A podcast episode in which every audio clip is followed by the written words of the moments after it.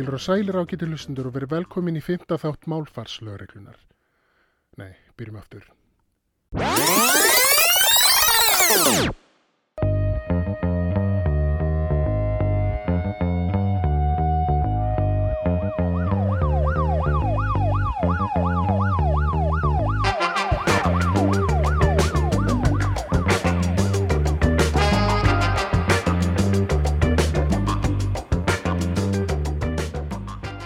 Ladies and gentlemen and welcome to the fifth episode of the Icelandic Grammar Police. Hvað hefur nú gerst síðan síðasti þáttur var tilbúin? Nú til dæmis að Íslenskt flugfélag vill ekki heita íslensku nafni að því að það þykir ekki nógu markaðsvænt. 2007 ástandið er vist að byrja aftur.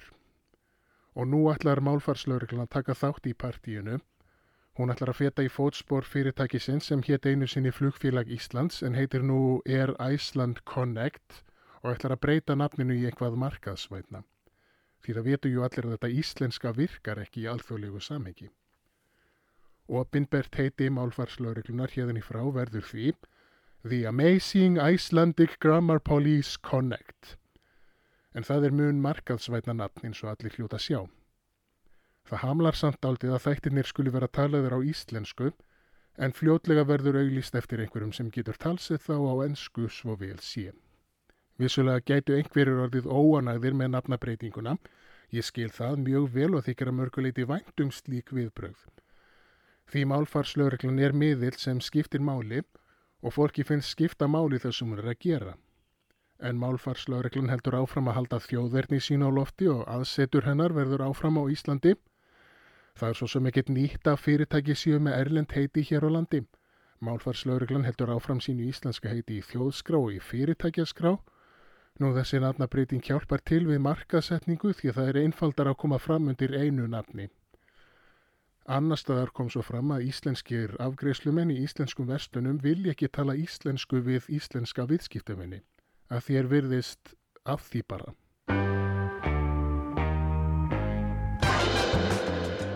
En fyrst ég var nú að minnast á afgreðslumenn.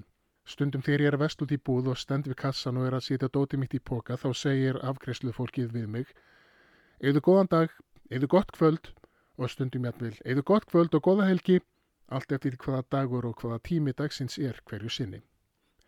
Ég svar yfirleitt í hugsunuleysi sömu leiðis en það sem ég langar til að segja er Eða góðan dag.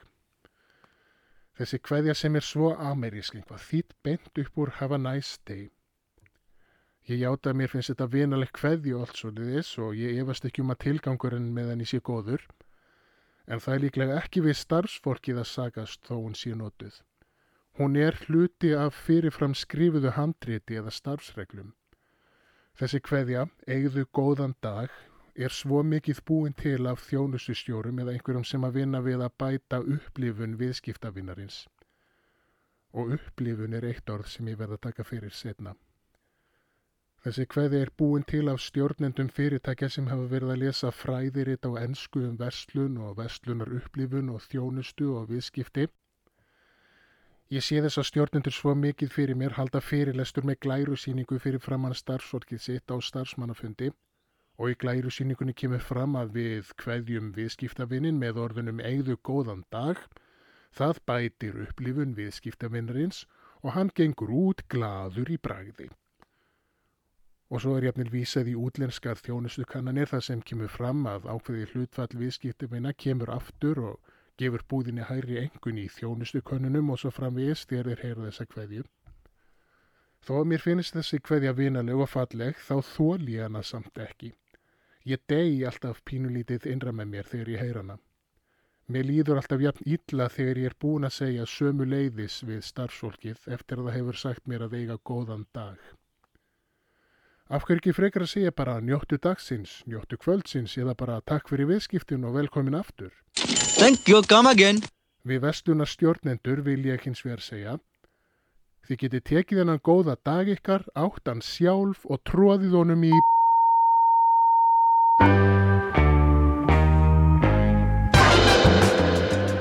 Þá er komið að nýjum dagskrárlið hér í málfarslöreglunni sem ég kýsa að kalla ókeipis ráðleggingu til virkra í aðtugasendum. Ég ætla ekki einu svona að byrja að tala um vittleysuna og þvæluna og soran sem vellur upp úr virkum í aðtúasendum, en stafsetningar og málfarskunnátt að þjóðfélagsópsins er annað.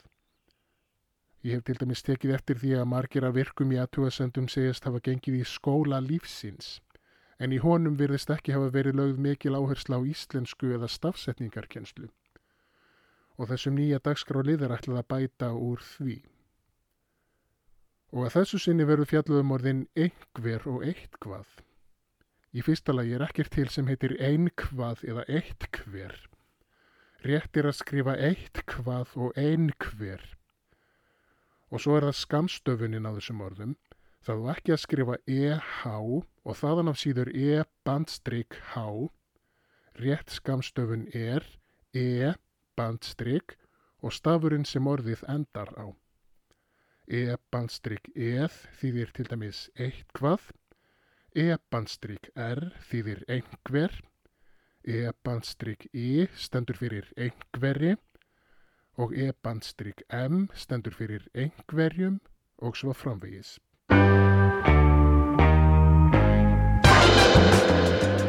Í síðasta þætti voru lesin upp nokkur orð úr háfrónsku og fengur hlustendur tækifæri til að giska á merkingu þeirra. Hér koma nú lausnirnar í þessari litlu getraun. Framhaldsraun merkir stúdentspróf. Heggfræ er mandla. Hleifrann er það sem við kallum í daglegu tali bakari. Verblaka er leðurblökumadurinn sem er betur þekktur undir nafninu Batman. Mógjæti er súkulaði og hér er komið tækifæri fyrir sælgetisframleðindur til að markað setja súkulaði undir nafninu mógjæti. Ég myndi allavega að kaupa það. Gjald spjald merkir greiðslukort. Brímavaki er kvennhormónið estrogen. Fjæðarglöp merkir rítvilla. Rítljörfi er leyserbrendari. Sætræti er lakrís. Hér komið annað tækifæri fyrir sælgetis framleiðendur. Tröll eppli merkir melóna. Glimsbótn er gítar. Randagandur er tígristýr. Stundsjá merkir úr eða klukka. Hálúður er trompet. Dreiradraugur er vampýra.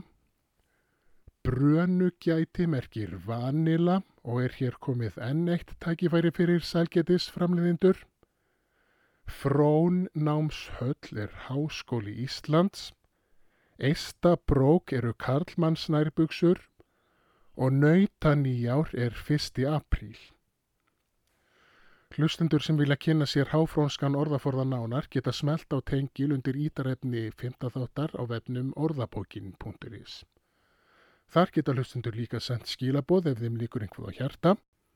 Ég meni líka á fjesbókar og Twitter síður málfarslauruglunar en tenglar og þær eru neðst á síðum orðabókarinnar orðabókin.is. Ég meni að lokum á að það er hægt að gerast áskrifandi að hlaðvarpstáttunum í gegnum iTunes. Þættinum er þá lokið á þessu sinni. Ég þakka þeim sem hlýtu. Góðar stundir.